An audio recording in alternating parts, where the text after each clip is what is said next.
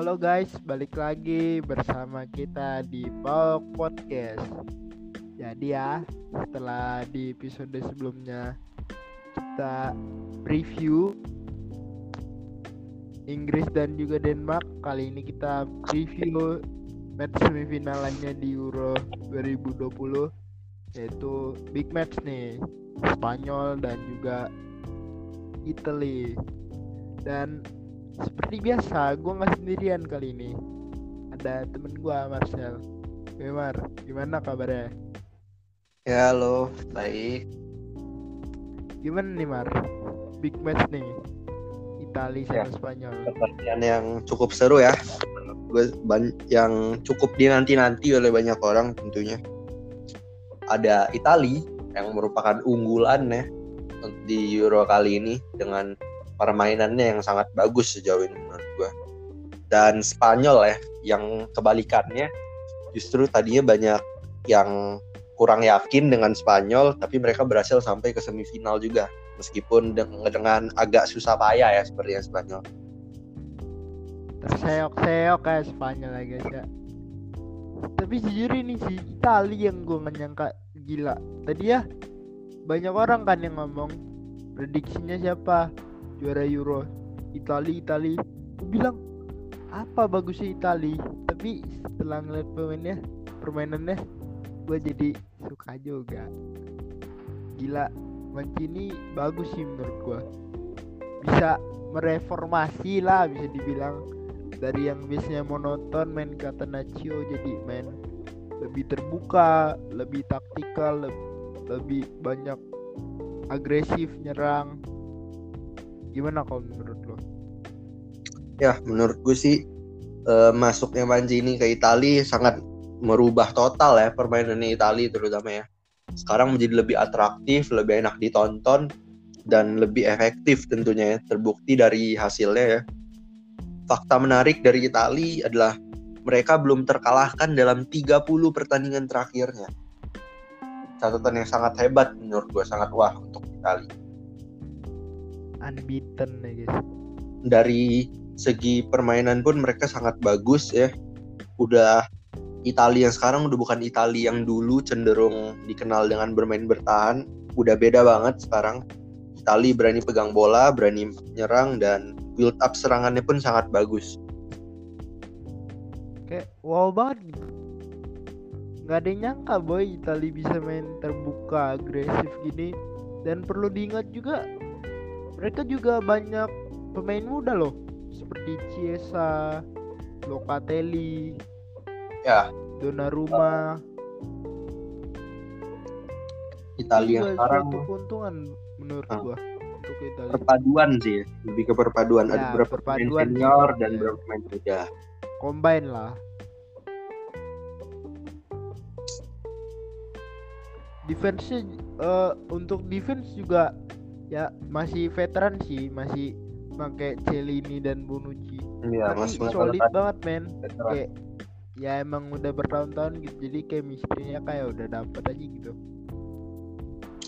ya Italia bisa dibilang ini ya eh, tim dengan salah satu defense terbaik di Euro sejauh ini. Hmm, betul betul. Serangannya pun demikian sama salah satu serangan terbaik di Euro kali ini ya. Menurut gua tim yang ini tim Italia yang sekarang ini cukup komplit ya punya pemain bagus di berbagai posisi Eh, dan eh, s- ini kred- special kredit kepada Spinazzola ya yang mengalami cedera kemarin sayang banget. Sayang. Padahal eh, sejauh ini Spinazzola ini cukup bersinar menurut gue di Euro ya. Sayang banget dia terkena cedera parah. Lama lagi tuh penyembuhannya. Ya, kabarnya sih yang gue dengar sekitar enam bulan ya cederanya. Ya betul betul. Kemarin dia udah operasi by the way ya. Eh, harap gue harap sih Spinazzola bisa cepat sembuh, bisa cepat bermain lagi ya. Karena menurut gue sangat enak untuk dilihat permainannya Spinazzola. dan bukan hanya dari tim Italinya itu sendiri aja dari pemain-pemainnya juga gue yakin abis ini banyak diburu-buru diburu tim gede kayak Locatelli ya lu udah tahu sendiri lah dia gimana bagus ya Iya. Juga menurut gua Ya, Chiesa, Locatelli, Donnarumma, harga pasarnya bakal langsung melonjak nih habis Euro ini. Tapi kan Donnarumma udah sign kontrak sama PSG. Ya, Donnarumma udah PSG. Ya. PSG udah tenang ya. Itali ini punya banyak aset penting ya untuk masa depan ya. Banyak pemain mudanya yang ngetop gue bilang sih. Jujur gue meragukan sih sebelum Euro ini. Itali ya, gue pikir bakal kayak gitu kayak gitu aja gitu. Pasif kan gitu biasanya. Tapi pas ngeliat pemainnya permainannya wow gila banget sih Mancini bisa merubah special credit lah untuk Mancini juga nah sekarang kita ke Spanyol nih salah satu jagoan lu juga gimana menurut lo Spanyol dengan Luis Enrique ya. Seperti biasa Spanyol ya diduku di du- berisi pemain yang mayoritas berasal dari La Liga pastinya. Yang menarik dan kontro sedikit kontroversial ya dari skuad Spanyol kali ini nggak ada satupun pemain Madrid ya. Dan menurut, menurut gua nggak masalah itu ada sih dampaknya sedikitnya terutama Ramos ya menurut ya gua. Ramos itu seharusnya Ramos dipanggil tapi mungkin kapten tim ya. Meskipun dia nggak main kalau ada dia dia bisa memberikan dukungan kepada timnya. Ya dukungan mungkin secara moral ya tentunya. Menurut gua masih masih layak dia dipanggil tapi mungkin ada faktor ini juga. Mungkin kan dia musim lalu kayak banyak cedera gitu jadi jarang mainnya. Mungkin itu juga sih yang jadi pertimbangan Enrique nggak manggil Ramos masuk akal Ya. gua. Ya gue yakin dia Ra- Enrique juga profesional sih. Dia punya alasan sendiri lah kenapa nggak panggil pemain Madrid. Yang pasti gue yakin itu bukan karena dia benci Madrid atau apa dia pasti sebagai pelatih tetap profesional ya. Dia akan menyingkirkan masa lalu sebagai pemain Barca yang sudah berlalu lah. Nggak ada Bukan. dendam-dendaman lagi. Bukan gara-gara hatinya dibelah udah cules tulisannya Enggak, bukan dong, bukan. Ah, Profesional. lain Spanyol sejauh ini kita kalau kita lihat agak kesulitan ya sejauh ini ke semifinalnya. Dua kali main di fase gugur. Pertama melawan Kroasia itu menang 5-3 ya kalau nggak salah. Itu sampai extra time menangnya. Lalu yang kedua ngelawan Swiss ya kemarin ya sampai adu penalti. Akhirnya menang 3-1 adu penaltinya. tapi Mar sorry to say menurut gua sebenarnya Spanyol hoki aja dia. Dia bener-bener hoki Mar. Kalau menurut gua faktor laka gede Spanyol bisa sampai semifinal. Pertama dia dapat lawan yang gak terlalu susah Kroasia itu di bawah dia. Bahkan itu aja sempat nyusahin dia loh sampai dibawa ke extra time Swiss yang benar-benar mengejutkan bisa nahan dia sampai penalti walaupun dengan 10 orang di kredit, spesial kredit lah untuk Sommer ya kiprah GG banget Ya. Sommer bagus banget ya. Jujur sih sebenarnya gue nggak terlalu impress ya dengan permainannya Spanyol sejauh ini menurut gue biasa aja. Tapi eh, dan kali ini pun dia bukan unggulan sih kalau lawan Italia. Jelas gue yakin banyak yang setuju sama gue Italia unggulan. Fans Spanyol pun bakal setuju sama gue. Gue yakin itu. Italia unggulan untuk kali ini. gua rasa semua orang bakal setuju sih dengan statement itu Masalahnya yang ada di Spanyol nih menurut gue lini depannya ya yang agak tumpul bisa dibilang. Terutama dengan adanya Alvaro Morata dan Gerard Moreno itu kurang efektif menurut gue. itu Morata gue bingung sih kenapa ya? Dia butuh dikasih peluang emas gimana gitu? Biar dia bisa nyetak gol. Ya sih bener. Di depannya itu. Dia tumpul ya. Kalau lini depannya bisa Masalah diperbaiki, sebenarnya Spanyol nih bagus menurut gue. nah betul. Ya harapannya sih melawan Italia nanti lini depannya nggak bau ya. Semoga lini depannya bagus gitu. tiba-tiba Morata kerasukan Messi kan keren juga gitu. Ya kita lihat aja lah nanti kira-kira Enrique bakal pakai taktik seperti apa ya. Komposisi pemainnya sih kurang lebih masih sama sih harusnya ya. Dengan yang kemarin Spanyol nggak banyak ganti-ganti pemain sih. Nah Dia- yang jadi jarang rotasi juga ya. Ya yang jadi pertanyaan nanti apakah Spanyol akan tetap bermain dengan possession ball ya seperti ciri khasnya atau lebih cenderung bermain bertahan nantinya? Paling itu aja yang dipertanyakan ya untuk Spanyol ya. Apakah dia berani bermain terbuka menguasai bola melawan Italia yang merupakan unggulan kali ini? Menurut gue sih masih oke oke aja. Nggak apa-apa Spanyol yang pegang bola. Kan nih nanti yang ngegolin juga Itali. Ya sih soalnya Itali cukup efektif ya kalau bisa dibilang lini serangnya. Iya, Italia itu semua pemainnya tuh bisa ngegol gitu, nggak cuma ngandelin beberapa penyerang aja untuk ngegol. Gelandangnya backnya pun sangat bisa gol. iya betul. Kalau Immobile lagi bau gitu lagi tumpul. Gelandangnya kadang-kadang yang ngegol ya walaupun begitu ini match yang patut ditunggu juga sih kalau menurut gua. Kayaknya segitu aja ya review dari kita. Thank you Mar udah mau join di podcast kali ini. Dan buat kalian jangan lupa terus dengerin podcast kita yang ini dan yang episode selanjutnya yang akan datang hope you enjoy guys bye Bye.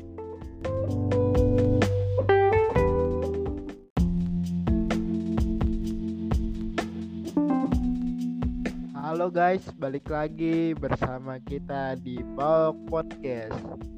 Jadi ya, setelah di episode sebelumnya kita review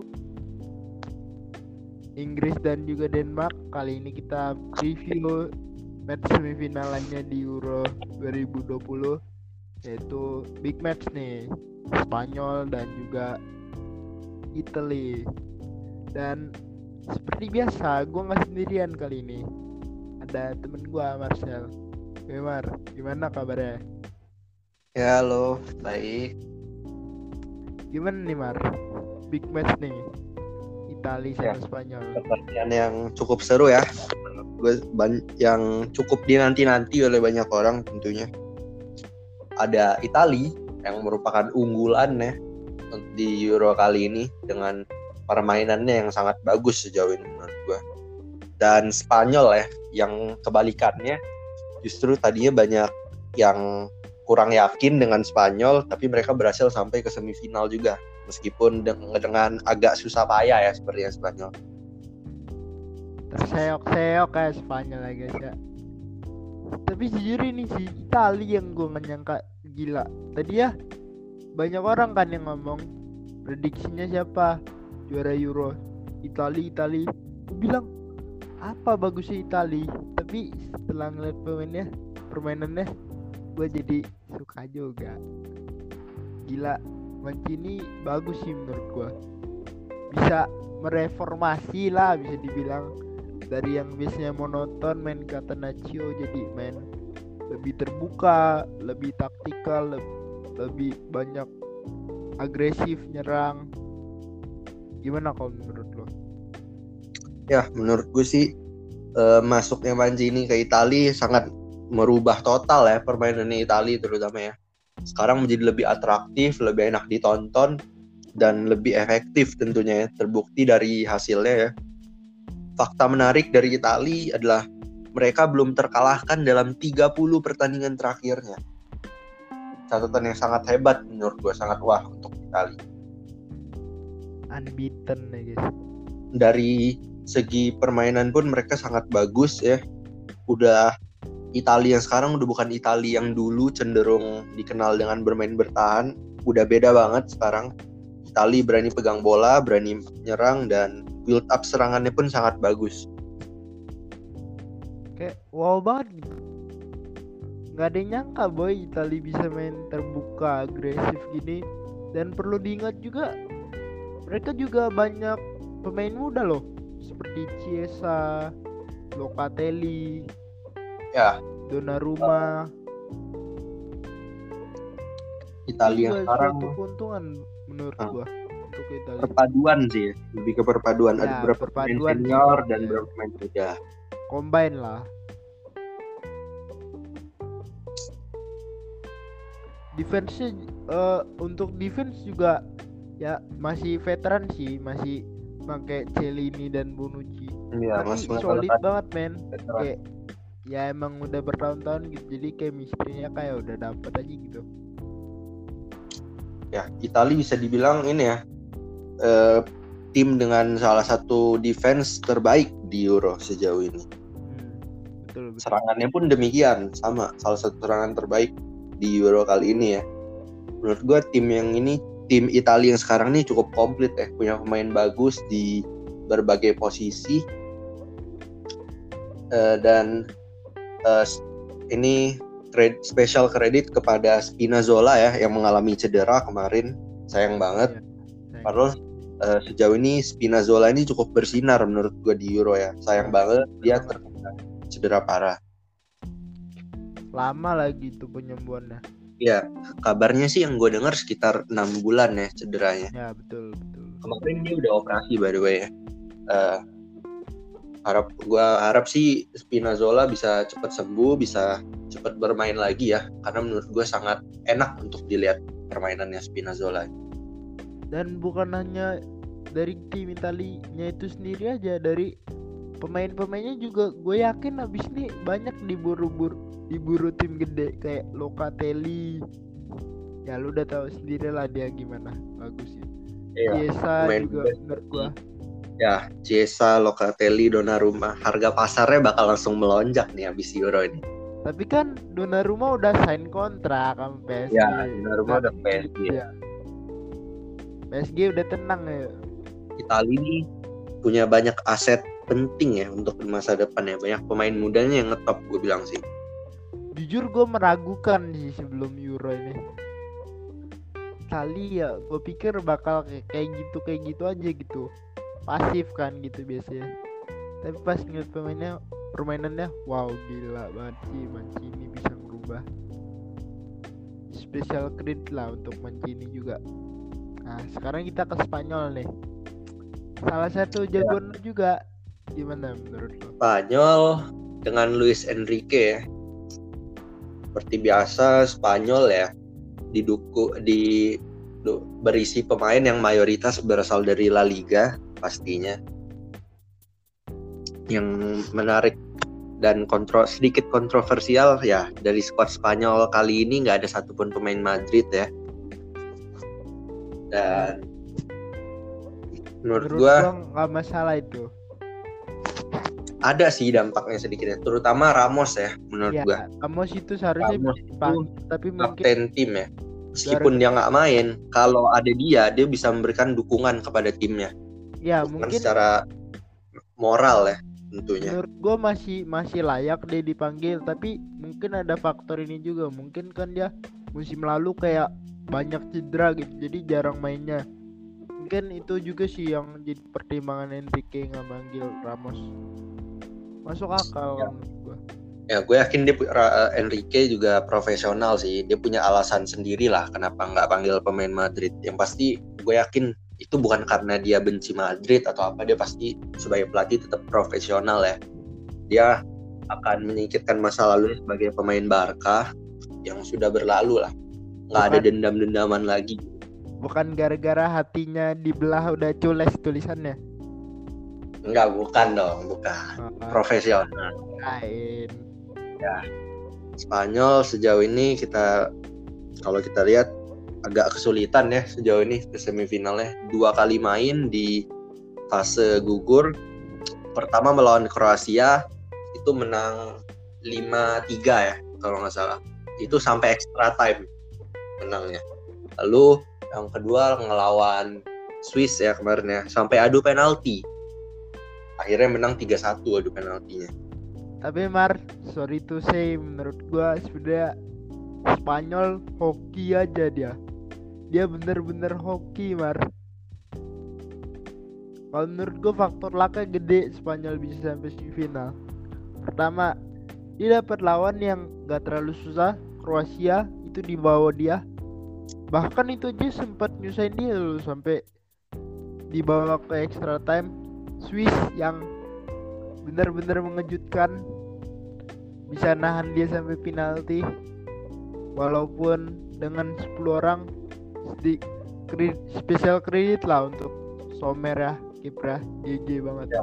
Somer bagus banget ya. Jujur sih sebenarnya gue nggak terlalu impress ya dengan permainannya Spanyol sejauh ini menurut gue biasa aja. Tapi uh, dan kali ini pun dia bukan unggulan sih kalau lawan Italia. Jelas gue yakin banyak yang setuju sama gue Italia unggulan. Fans Spanyol pun bakal setuju sama gue gue yakin Italia unggulan untuk kali ini gue rasa semua orang bakal setuju sih dengan statement itu masalahnya yang ada di Spanyol nih menurut gue lini depannya ya yang agak tumpul bisa dibilang terutama dengan adanya Alvaro Morata dan Gerard Moreno itu kurang efektif menurut gua. Itu Morata gue bingung sih, kenapa ya? Dia butuh dikasih peluang emas gimana gitu biar dia bisa nyetak gol. Ya sih benar. Di depannya itu dia tumpul ya. Kalau lini depannya bisa diperbaiki, sebenarnya Spanyol ini bagus menurut gue. Nah, Ya harapannya sih melawan Italia nanti lini depannya nggak bau ya. Semoga lini depannya bagus gitu. Tiba-tiba merata kerasukan Messi kan keren juga gitu. Ya kita lihat aja lah nanti kira-kira Enrique bakal pakai taktik seperti apa ya. Komposisi pemainnya sih kurang lebih masih sama sih harusnya ya dengan yang kemarin Spanyol nggak banyak ganti-ganti pemain sih. Nah, Dia yang jadi, jarang rotasi juga ya. Ya, yang jadi pertanyaan nanti apakah Spanyol akan tetap bermain dengan possession ball ya seperti ciri khasnya atau lebih cenderung bermain bertahan nantinya. Paling itu aja yang dipertanyakan ya untuk Spanyol ya. Apakah dia berani bermain terbuka menguasai bola melawan Italia yang merupakan unggulan kali ini? menurut gue sih masih oke oke aja nggak apa apa Spanyol yang pegang bola kan nih, nanti yang ngagolin juga Itali ya sih soalnya Itali cukup efektif ya kalau bisa dibilang lini serangnya iya.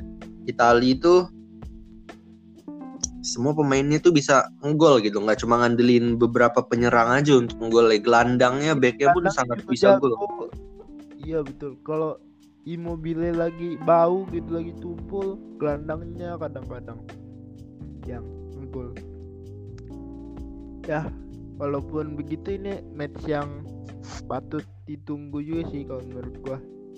Kayaknya segitu aja ya review dari kita. Thank you Mar udah mau join di podcast kali ini. Dan buat kalian jangan lupa terus dengerin podcast kita yang ini dan yang episode selanjutnya yang akan datang. Hope you enjoy guys. Bye. Bye